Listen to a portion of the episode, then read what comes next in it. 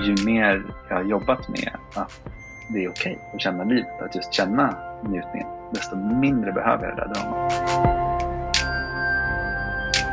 Vad händer då när man, fan, vi får en massa människor som inser att oh, vi har ju massa njutning bara i den här kroppen, eller som du gjorde nyss, kolla ut genom fönstret och njuter av naturen som är just runt knuten. Då behöver vi inte köpa alla de där grejerna.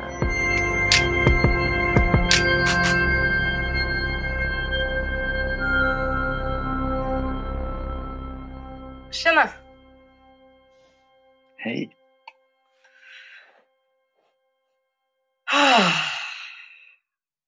Okej, mm. vi ska prata om att njuta. jag försöker landa i kroppen över... Åh, oh, så mycket. mycket att jag har ilska som ligger och liksom trycker här över gallan. Mm. mm. Jag har lite svårt att komma in i kroppen och prata om njutning. Samtidigt ligger det mig mm. väldigt, väldigt varmt om hjärtat. Mm, jag kommer också in med friktion i kroppen. Det är liksom, man drar åt olika håll och det sitter någon liten knut i magen och det liksom Samtidigt så märker jag att när vi tryckte på knappen och började spela in så skiftade någonting. Ehm, och så kunde jag känna livet under friktionen. Så att den är ju den här, det här eh, den totala bypass-meningen som många säger, det är bara energi, allt är energi. Men det finns, en, det finns en sanning i det, i den eh, sägningen också. Det är ju, det blir väldigt intensivt ibland eh, och att det finns njutning under all den här friktionen och spänningen och liksom så här, och önskan och drömmarna och ja, allt det där. Mm. Ja, det är som en känslomässig brottningsmatch med någon man älskar. Så kan jag känna. De där jobbiga känslorna bara... Det ligger någon njutning i det. Som, ja ja, det ligger en njutning i friktionen. Och det kan ju missbrukas. Det riktar ju uppmärksamheten. Ja, förlåt. Ja, verkligen. Mm. Nej, men det riktar uppmärksamheten. Mm. Och jag tänker också på att det, apropå det kan missbrukas, det var precis dit jag var på väg. För det är så jag upplever min egen i, i, i mig själv så har jag dragit väldigt mycket liksom, att, att få känna någonting. Och när jag har velat känna någonting så har jag gärna sökt konflikt. Liksom. Uh, och sen så när den där konflikten är igång, så när det, det finns ett litet, litet, vad heter det, sån här ember, en bar, så en liten glöd, sånt som man, då, då bara liksom, öser jag på med mer och mer liksom, tills, det, här, tills man verkligen bara står och skriker på varandra och sen så vid något tillfälle så bara, vad är det vi bråkar om? Vänta, vad är det vi bråkar om? Sen när, liksom, när jag fått känna en stund um, då kan jag hitta den där, vad är det vi bråkar om? Och så går man tillbaka successivt. Bara, ah, det var där vi började. Det var inte alls där vi slutade, men det var där vi började. Aha, vad intressant. Liksom. Och ju mer jag har jobbat med att det är okej okay att känna livet, att just känna njutningen, desto mindre behöver jag det där dramat. Desto mindre behöver jag de där stora känslopåslagen liksom, för att komma igenom och bryta igenom och liksom släppa det här tuffet, liksom, den vardagen, den här lunket som, som bara mal ner en. Liksom. Eh, när man tappar, tappar uppmärksamheten och tappar närvaron. Och, ja, tappar känslan av, ser inte flödet och ser inte livet längre på det sättet som man kan göra. Alltså tappar, vad heter det, förundran heter det. Som, som är, förundran för mm. vad som helst. Mm det är lite nytt för mig. Jag har aldrig varit i draman. Så... inte, inte eh, vad säger man, eh, utåtagerande utan mer ja, just inåtagerande draman istället. Så det är nytt, nytt territorium för mig. Och jag kan se ja, men jag kan se värdet typ i att bli lite mer utåtagerande. Ah, fast, oh, jag vet inte. Jag hittar gärna njutningen någon annanstans. Helst. Mm. Mm. Ja, men, om, innan vi börjar prata om den andra typen av njutning som man kanske tänker på mer så märker jag att det finns en i mig så har det funnits en, en, ett viktigt skifte från att vara utåtagerande till att sen ta det där utåtagerande och bara vända det inåt. Liksom. Då har jag fått en elak liten jäkel som sitter i mig och som slår och slår och slår och slår liksom, och som mal ner mig själv. Men liksom, nu börjar jag hitta ett perspektiv där jag kan känna mer ett hållande, liksom, att vara med det som känns jobbigt eh, eller det som känns skönt eller det, det som känns bara. Att vara med det som känns. Och att i den uppmärksamheten så Mm, finns det så många bottnar. Liksom. Det, det fördjupas och det, det är så här, någonstans ofta när det gäller den här typen av njutning då som kommer så landar jag i någon form av medkänsla. Just att här, hitta en compassion, en medkänsla för mig själv. Att så här, ja, men, okej, okay. det är inte så konstigt att du känner så här och så här, det är okej okay att du känner så här. För det var ändå det som var mest rimligt eller bäst eller tydligt i din överlevnadsstrategi när du var liten eller inte så liten eller ganska stor. Liksom. Det är mönster som man har lärt sig helt enkelt för att det, det funkar för en. Så det, då kan det slappna liksom, och slappa av och så får du krympa det och så finns det utrymme för annan typ av flöde, annan typ av energi. Så, mm. så varför pratar vi Vad om... tänker du? Mm. vi pratar i munnen med varandra idag. Mm. Första gången. Men vad... Okay, jag tänkte säga varför pratar vi om njutning i podden En levande framtid? Vad tänkte du fråga? Mm. Din fråga är bättre. Ta den. Okay.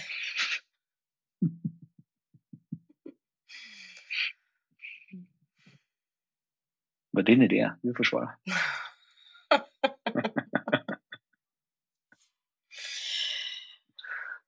Och, ja, men alltså det vi har pratat om hittills i detta samtal är ju ändå liv. Att vara levande. Mm. Um, oavsett om det är njutning som kommer av bråk eller njutning som kommer av något annat. Och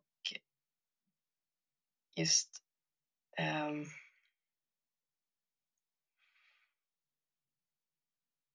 jag tror vi pratar för lite, att vi inte ger oss tillräckligt mycket uh, utrymme att njuta av livet mm. idag. Um, I våra system, alltså hela narrativet kring att arbeta. Men vi, det är ju, man arbetar för, vad är det? Ehm. Man arbetar för att vi har lärt oss så att det är, ehm, är det Luther? Den lutherska mm. piskan. Kanske. Luther och Calvin och. Ja. Ehm, det är liksom en dygd eh, som jag för känslan av att nej, men det är någonting man bara ska göra och det ska inte vara kul, det ska inte vara njutningsfullt utan du ska pina dig för något större. Eller något, inte något större mm. nödvändigtvis men och sen har vi hela industrialismen som, ja men nu ska du bli en kugge och så ska du arbeta för den här samhällsmaskinen. Betala skatt. Eh, jag vet inte, det finns ingen, det har inte funnits så mycket utrymme just för, ja, men kan, kan man få njuta av arbetet också? Eh, så det känns som att vi har hamnat i en, jag vet inte, det känns som en konflikt där. Men eh, i en levande framtid så tänker jag att och jag tänker också på den utvecklingen vi går mot. Många förutspår ju med AI och all sådan teknisk, teknologisk utveckling som gör att men, de jobben som vi är vana vid att vi behöver göra inte kommer finnas. Det kommer andra, andra entiteter som gör dem. Kan man kalla dem entiteter? Jag vet inte. Mm, men, absolut. Eh, och kanske går vi mot att, ja, men, att alla får medborgarlön. Ja, men, och vad har jag då för värde och för mening? Eh, för många... Ja, nu tappade jag tråden lite, ärligt talat. Eh, men, eh, det är lite som att vi lever i ett narrativ där livet går ut på att arbeta och sen så får du pension och sen får du njuta av livet. Många sparar njutningen tills dagen man ska gå i pension och så helt plötsligt står vi i en tid när man kommer vi ens kunna gå i pension? Finns det? Kommer vi ens ha det systemet kvar? Uh, och, och vad händer om jag inte får jobba? Om jag bara får pengar ändå? Ja, men vart... Ja. Mm.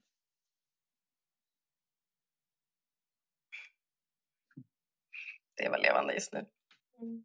Jag tittar ut genom fönstret, du sa det, så ser jag en helt magisk sol som är på väg upp. Och samtidigt så regnar det precis här, men det är liksom, molnen är alldeles rosa färgade och det är liksom lila, rosa, blått, fast det är dagnar eh, utanför fönstret. Och så bara så.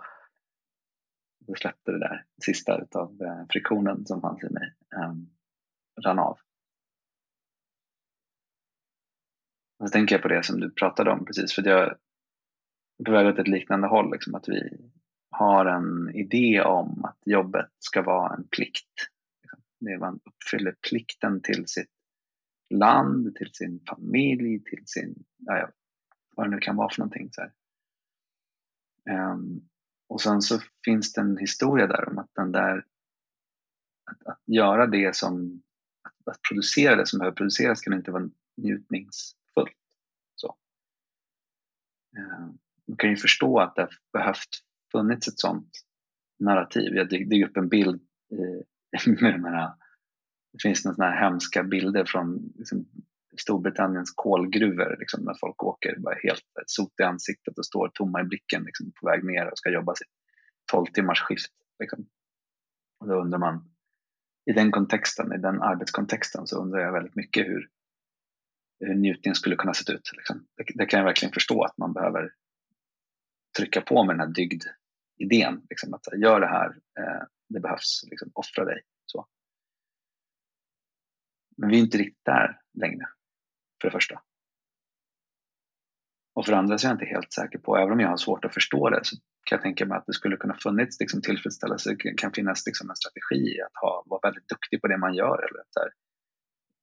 Jag vet inte vilka momentet består av att jobba i en gruva, liksom, men att man kan vara väldigt skicklig på det man gör och ha ett, ett, ett craftsmanship, liksom, ett mästers, mästarskap eh, i sitt eget hantverk och att utifrån det kan man dra massa nytta eh, och njutning.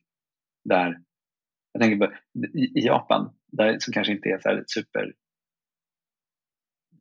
det kanske inte, jag har ingen aning om hur de ser på njutning egentligen överhuvudtaget. Men jag tänker att det finns en, en stolthet i att göra bra. Alltså, även om man typ går på från de här centralstationerna där, liksom på toaletterna. Där. Det, är som att man kan, det känns som att man kan liksom bara lägga sig och slicka på golvet och det ska inte vara någon fara. För det är så välstädat. Liksom. Det är någon som verkligen, det finns så mycket omsorg i allt man gör. Uh, sen om det kommer från plikt eller njutning, det vet jag inte. Liksom. Eller kanske båda. Uh. Men alla de där narrativen på något sätt, de spinner ihop för mig. Och sen så, så, någonting som jag har sagt ofta är så att jag har fått lära mig lyckan och glädjen i att jobba hårt är något av det som jag är mest tacksam för från mina föräldrar. Ehm, och sen så kanske lite för mycket ibland till och med. Så att, så att jobbet har blivit en tillflykt för mig jag känner så mycket, jag känner så mycket självförverkligande, det är så mycket identitet som går in i, i jobbet. Ehm, och jobba långa timmar ibland, så det är skönt liksom, att pusha lite hårdare. Samma sak när man går ut och springer, liksom, att ta ut det där sista, liksom, vrida ur det sista där, så man blir riktigt trött. Och det är blodsmak i munnen och man nästan kräks. Liksom. Det, jag, hinner, jag kan hitta, jag kan hitta liksom jättemycket njutning i den ja, i, i, liksom i det ja, urvridandet av, av det sista. Någonting jag tänker som dök upp i mig äh, äh, i, vissa kretsar just kring inre utveckling för yttre utveckling så pratar man ju om förmågor man behöver lära sig för att mm. äh, växa som människa eller navigera i de här, det här samhällsskiftet som många tror att vi står i. Men jag ins insåg nu, undrar jag om inte njutning, det talas det väldigt sällan om eh, som en förmåga. Det, det är ju en mänsklig förmåga.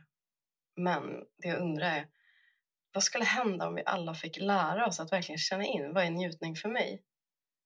Vad njuter jag av? För det känns som att skol, alltså i hela systemet, samhällssystemet så tas vi bort från det. Det är liksom, ja, till och med kapitaliseras på, framförallt för kvinnor när man till och med liksom, i mångt och mycket tagit bort eh, sexualiteten. Att så här, eh, vi har, det är många kvinnor som inte liksom vet. Eh, eh, det kanske gör för män också, jag kan bara prata för mitt eget kön. uh, ja, men där, ja, men det är liksom lite rubbat på relation till vår egen personliga njutning på grund av många olika orsaker.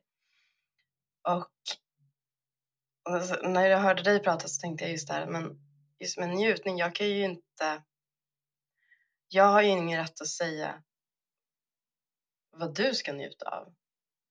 Mm. Till exempel det här med jobb. Ja, men, ja, men det är många som kanske inte tror att man kan tycka att det är kul att vara sopåkare. Eller att, um, men det kanske är jättenjutningsfullt för någon lika njutningsfullt som det är för någon annan att um, inte jag, sitta på regeringskansliet och jobba med uh, policies. Eller, alltså vi hittar en njutning, alltså den är så unik och individuell och vi hittar den i så olika saker. Um, så att vi kan inte heller gå in och liksom värdera. Men därmed kom jag just fram till vikten av att kom fram till, nu har jag kommit på det. när man, när man insikten så här, frågan just att får vi lära oss eh, relatera till vår egen njutning? Vad skulle hända om vi gjorde det? Mm. Och helt plötsligt kändes det otroligt viktigt. Mm. Mm. Ja, men, och, precis. På något sätt i, i njutningen, anledningen till att man är rädd för njutningen, tänker jag, det är ju att man inte, ofta när jag har coachat folk så är det inte sällan som folk säger så jag skulle verkligen vilja. Punkt, punkt, punkt. Och sen så säger man så men, och vad skulle hända om du gjorde det? Nej, men det, det kan jag ju inte göra. Alltså, nej, men alltså, om, om jag bara skulle göra precis det jag ville hela tiden, eller precis det som jag, så här, då skulle det aldrig... Det är så lite förtroende för en själv liksom, och för oss. Som, här, och jag tänker att det kommer från lite, alltså den kristna synen på synden liksom, och att här, vi, kroppen är inte okej. Vi kan inte lita på kroppen, vi kan inte lita på våra, våra köttsliga lustar. Liksom, utan, så här, sinnet är rent och kroppen den är, den är liksom ful och smutsig. Mm. Och så tänker jag på det engelska ordet för känslor, liksom, emotions. Som är det som föregår en rörelse. Liksom. Mm. Eh, och också att det kommer så jättemycket forskning just nu kring känslornas liksom, orienterande kraft och att, att njuta för mig relaterar till känslor och relaterar till att kunna zooma in och vara med sina känslor. Liksom, kanske på det mer positiva spektrat snarare än liksom det fulla spektrat i, i någon vanlig konventionell mening men ändå liksom den biten. Och sen så det som du säger till slut där med det här med värdering av njutning så tänker jag på hela jämställdhetsdebatten. Att vi, har, att vi ser den här, eh, vad jag vet inte om man kallar det något fint, men att, att i Sverige där vi har en stor, en hög jämställdhet och mycket frihet så, så ser man att kvinnor dras till yrken som är mer traditionellt kvinnliga, som är mer omsorgsyrken. Och så vidare. Man har liksom, eh, och då ser man det som ett jämställdhetsmisslyckande. Att, att man inte är 50-50 som om 50-50 vore liksom idealet att hålla, alltså att gå emot. Men att tänk om det istället är precis det där starten på den här frigörelsen som du pratar om, att man får vara mer i sin rätt. Vill jag ta hand om folk så kan jag försörja mig på det och det är också liksom en, något, något fint, liksom, något, något vackert oavsett vad det må vara, även om man inte gör liksom, 120 timmar i veckan på en investmentbank. Eh, för att man inte går igång på det. Liksom. Eh, Och sen måste man förstås jobba med strukturerna och luckra upp dem. Alltså, det finns ju massa mönster också, så jag säger inte att det inte är mönster, men, men tänk om. Ja, men det är en fråga som dyker upp. Varför har, vi, varför, varför har vi så mycket dömande när det kommer till njutning? Alltså, mm. det, varför är det så kopplat till rädslor? Liksom? Mm. Ja, när man börjar bryta sig fri från det normala arbet, alltså arbetssystemet där man inte jobbar 8 till 5 alltså, enormt mycket dömande kring det. Sen ska du göra något viktigt. Varför håller du på med alla de där grejerna för? Jag håller ju på och poddar på massa olika sätt. Och så där. Får du betalt för det? Eller? Så Nej, jag behöver inte få betalt för det än. Men nu kanske jag vill skifta det, men det är en annan sak. Alltså, det är väldigt intressant. Liksom. Vad, vad, vad, vad konstigt, så varför skulle du göra sånt där för? Så det är lite hotande nästan. Mm. Det kan inte ha med det att göra. Då, att man, så här, man kan inte ha folk som går runt och har det bra. Liksom. Skulle det... Hur skulle det samhället se ut? ja, men det är därför jag, ja, jag sitter och kollar på en bok här bredvid mig som heter Pleasure Activism. The Politics of Feeling Good av uh, mm. Adrienne Marie Brown. Uh, det är därför liksom ser det som en politisk handling i att ta ta makten över sin njutning oavsett i vilken form mm. den är. För då är inte, ja det är väl så, man frigör sig från, det är ju en kontroll, när det, så länge du kan kontrollera folks njutning. Mm. Ja, då måste du ju, men om, eh, ja. Och, vi, och det är ju en del liksom av det kapitalistiska samhället är inte det? Mm. Så till om jag använder fel begrepp. Um, jag menar för att det är ju det som driver konsumtion. Njutning. Och vad händer då när man, fan, vi får en massa människor som inser att oh, vi har ju massa njutning bara i den här kroppen. Eller som du gjorde nyss, kolla ut genom fönstret och njuter av naturen som är just runt mm. knuten. Då behöver du inte köpa alla de där grejerna och prylarna och mm resorna kanske. Mm. Eller kanske börja köpa dem av andra anledningar i så fall. Men, men vi har ett samhälle som bygger på att njutningen ska köpas. Mm. Um. Ja, och liksom hela marknadsföringsapparaten är ju byggd på ett sådant sätt så att man så att vi ska känna oss otillräckliga. Mm. Um, och även om man då har en connection till sin kropp och lyckas känna njutningen så, känner man, så får man, blir man ju berättad för genomgående att du skulle kunna njuta mer här borta om du bara hade XYZ. Mm. Och det finns ju någonting eh, kring, eh, jag tror att det är Eric Fromm, kan den heta det? John Vervaeke är den som jag har hört igenom. Jag tror att originalkällan heter Eric Fromm. Som pratar om så modal confusion. Alltså, och att vi har blivit övertygade om att vi ska lösa saker som är existentiella behov.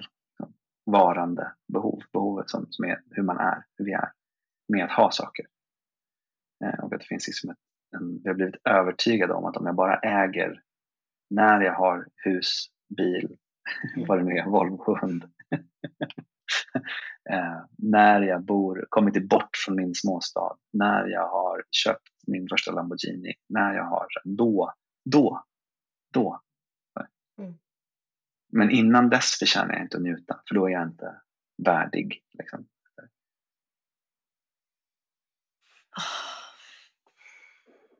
Tänk om vi var värdiga att njuta från början.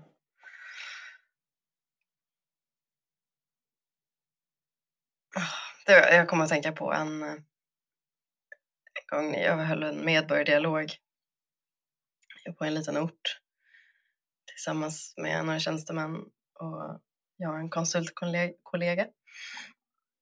Eller, um, och det var väldigt konfliktfyllt. Invånarna var jättearga. Och eh,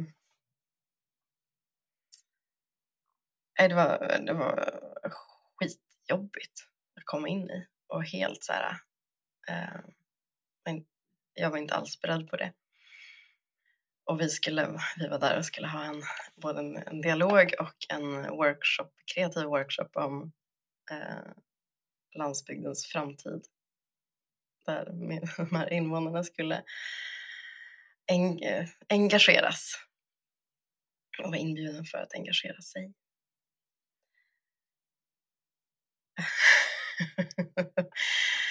och folk liksom, var, var så arga, hälften reste sig upp och gick. Eh, någon grät av besvikelse över att politikerna inte var där som de trodde. De hade mm. blivit informerade om att politikerna skulle vara där och de skulle få uttrycka sitt missnöje och någon skulle finally lyssna. Liksom. Så kommer två tjänstemän och två konsulter. Klart de mm. är skitarg. Men i allt det där så lyckades vi ändå på slutet med de som var kvar. Liksom det vände. Det blev en eh, uppsluppen är väl att ta i, men skojfriskt. Eh, vi kunde skratta. Mm. Men efteråt, eller så det kändes bra. Det kändes liksom, okej, okay, det här var svårt, det var tufft. Mm. Eh, men när vi landade på en bra plats. Mm. Men efteråt så hörde min uppdragsgivare av sig och, så, och uttryckte sin... Hon tyckte att nej, det hade blivit för skrattigt. Mm. Det hade blivit för trevligt. Eh, det var ju hennes, apropå njutning, alltså, eller, den rädslan för det kanske inte är så tydligt. det jag hör dig säga är att det finns ett antagande om att de står emot varandra. Ja. Alltså att om man har roligt på jobbet då kan man ju inte göra något viktigt. Nej. Alltså om man har roligt på jobbet då kan man ju inte producera. Liksom. Eh, om vi inte har jättemycket struktur liksom, och, som vi ska förhålla oss till hela tiden, då, då alltså, om vi släpper människor fria. Liksom. Och det är klart att alltså på sätt och vis, så det finns ju jättemånga kontexter när man bara sitter och pratar och pratar och pratar och inte kommer ut någonstans. Liksom. Eh, och att det inte blir någonting än, mind. Liksom. Men jag finns också i kontexten nu där vi har tränat tillsammans på ett helt annat sätt att vara tillsammans. Där vi liksom har byggt en regenerativ kultur då, eller liksom en kultur som är omhändertagande. Där vi tillåter liksom att här, behöver vi checka in i en timme som vi gjorde innan det här så, så får det vara så.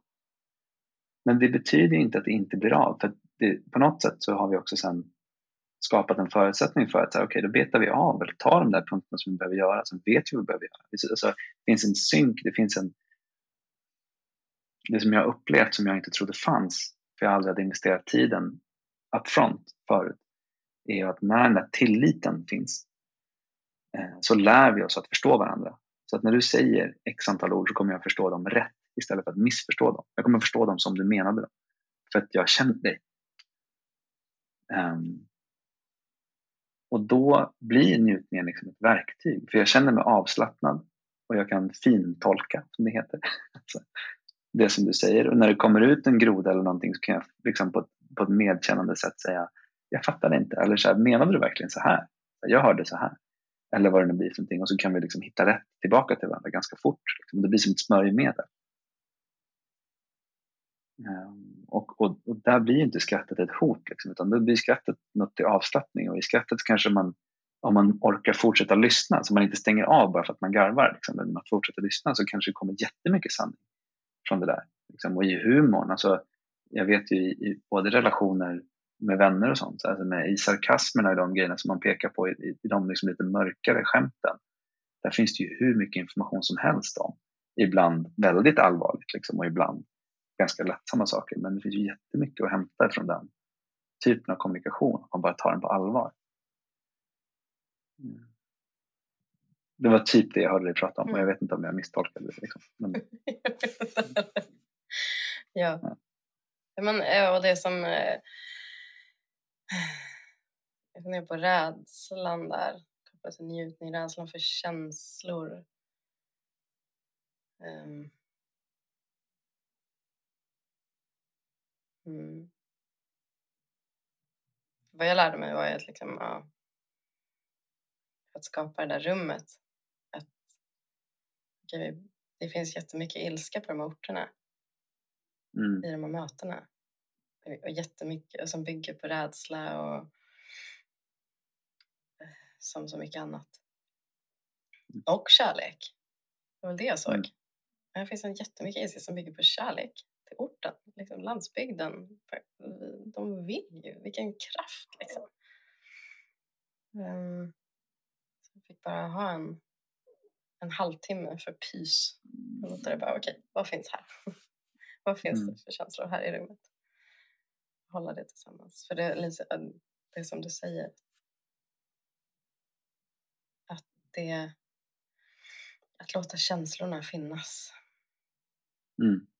Och få, få dem, låta dem eh, komma igenom, komma ut. Sen kan vi gå in i någonting tillsammans. Mm.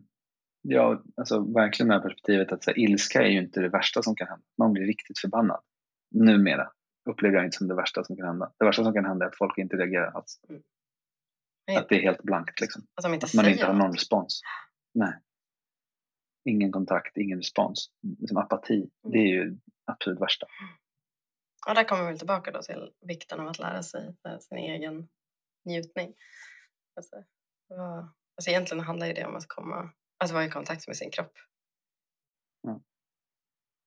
Jag tänker också på kopplingen till, apropå kontakt med sin kropp, som vi pratar mycket om. Liksom, men just den här kopplingen till det sexuella också. Och tabut kring det sexuella. Att jag upplever att det vävs in i njutningen på något sätt. Att, så här, att njuta, det så här, vi är så primade med det också. Jag vet att vi gick när jag var så här, 13 eller något, eller 14 så var vi på någon, någon biograf och så fick vi en så här, vi pratade om reklam. Eh, och så visade de någon, någon liksom så här, det var någon som gjorde reklam för typ Milda eller så här, Kelda, kanske matblandningsgrädde. Och då var det liksom, det var liksom en, en, gryta som bubblade och kokade och det var en kvinna som rörde i den här grytan och det ångade. Liksom och, och hon liksom smakade, kastade bak huvudet och liksom smakade njutningsfullt på den här grytan och sen så close-up på grytan och så hällde de den här vita matlagningsgrädden ner i grytan. Liksom. Så det, bara, vet, det är farsartat liksom. men, men jag tänker att den där kopplingen också är väldigt stark. Liksom. Och att vi, vi, vi har inte ett okomplicerat förhållande till just sex i vårt... Alltså vi blir ju sålda genom det hela tiden. Vi längtar efter det ganska ofta. Det är ett existentiellt behov som vi har och så kopplar man in njutning här också då, så här, kommer vi säger, eh, ja, det finns en koppling där. Jag vet inte hur du tänker kring dem, till den biten. Som kvinna kanske är ännu mer än vad jag upplever som man. Liksom. Jag kan bara tänka på att den där grytan lät fantastisk.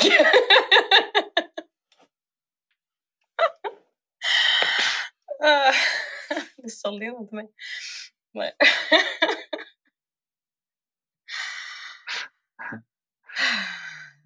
Ja, det finns det mycket som helst.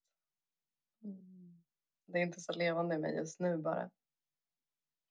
Nej. Mm. Eller levande är det, men påkopplat.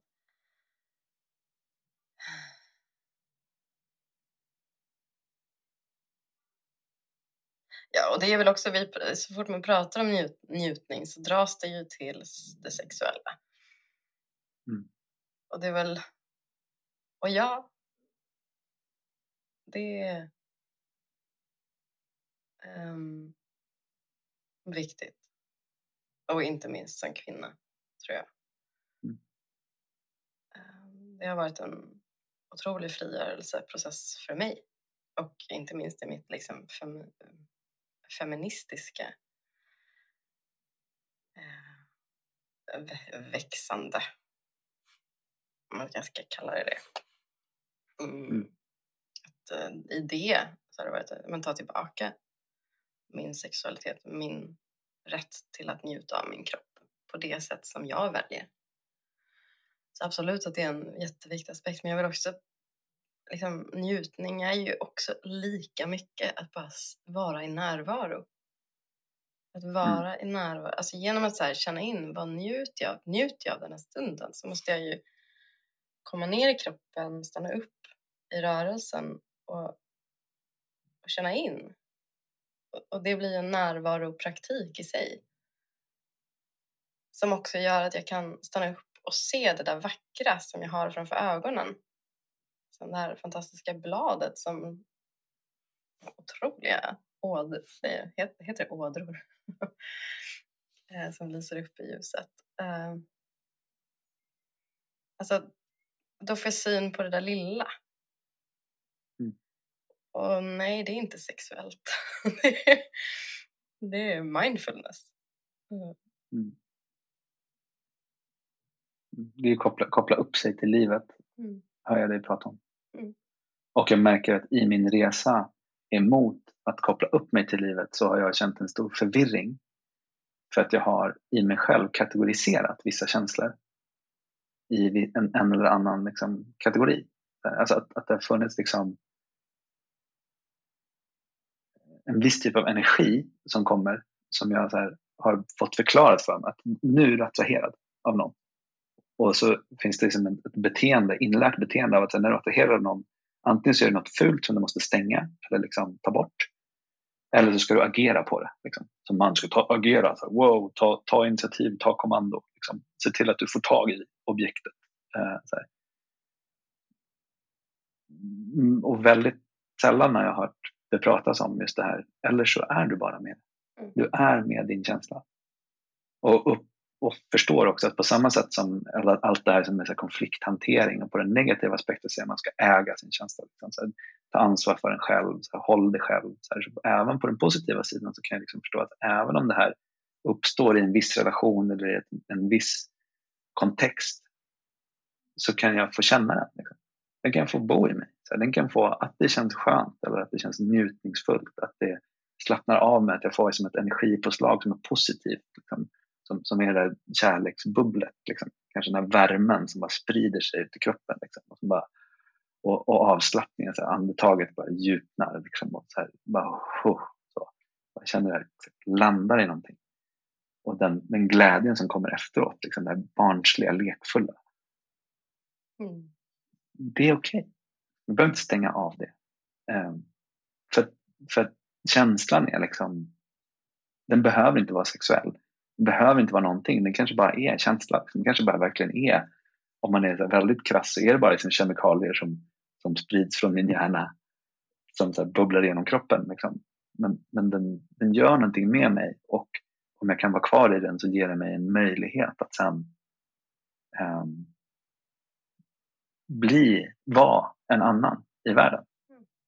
Att, att bli och vara och sprida den frekvensen i världen. Liksom, för det är, jag tror att det är Mikael Dahlén som pratar om just det här med som är en professor på Handelshögskolan som pratar om glädje och njutning och den här typen av saker. Men man pratar om att det är smittsamt. Liksom, att vi, när vi mår bra så sprider det sig. Liksom, och det har effekt på dina direkta kompisar liksom, och det har effekt på deras kompisar också. Där man kan se det när man tittar på folk som slutar röka eller börjar träna. Eller, att om en gör det så börjar, då är det liksom 33% större chans att andra i ens omgivning gör samma sak. Och eh, om man går runt och är glad, även om folk är provocer skitprovocerade i början, när de slutar vara provocerade utav det, så kanske de också blir glada. Vem vet? Liksom. Eller vågar njuta.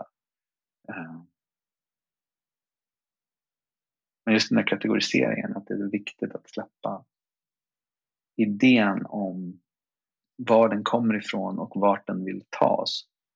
Eh, det är en inbjudan till en viss rörelse men om man, om man stannar i inbjudan liksom, och stannar i känslan lite längre så har jag upplevt att då kommer andra alternativ upp på bordet liksom, och andra saker blir möjligt. Och väldigt mycket liksom, fina saker har skapats utifrån det. Utifrån det. Både artiklar, superseriösa jobbgrejer, men också bara ett skämt eller ett skratt. Eller en, liksom, att det blev en middag eller en brunch eller vad det nu var för någonting. Man träffades en gång till. Mm. Att vara hela du. Att få vara hela jag, att få vara människa.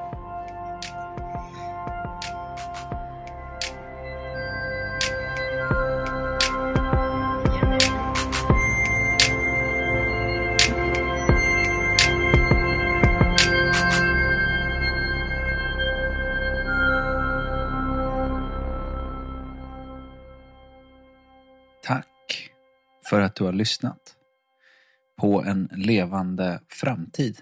Om du vill ha mer av en levande framtid så kan du hitta oss på enlevandeframtid.substack.com och den länken hittar du i avsnittsbeskrivningen också förstås. Där kan du prenumerera och eh, stötta oss om det känns rätt. Vi hörs snart igen.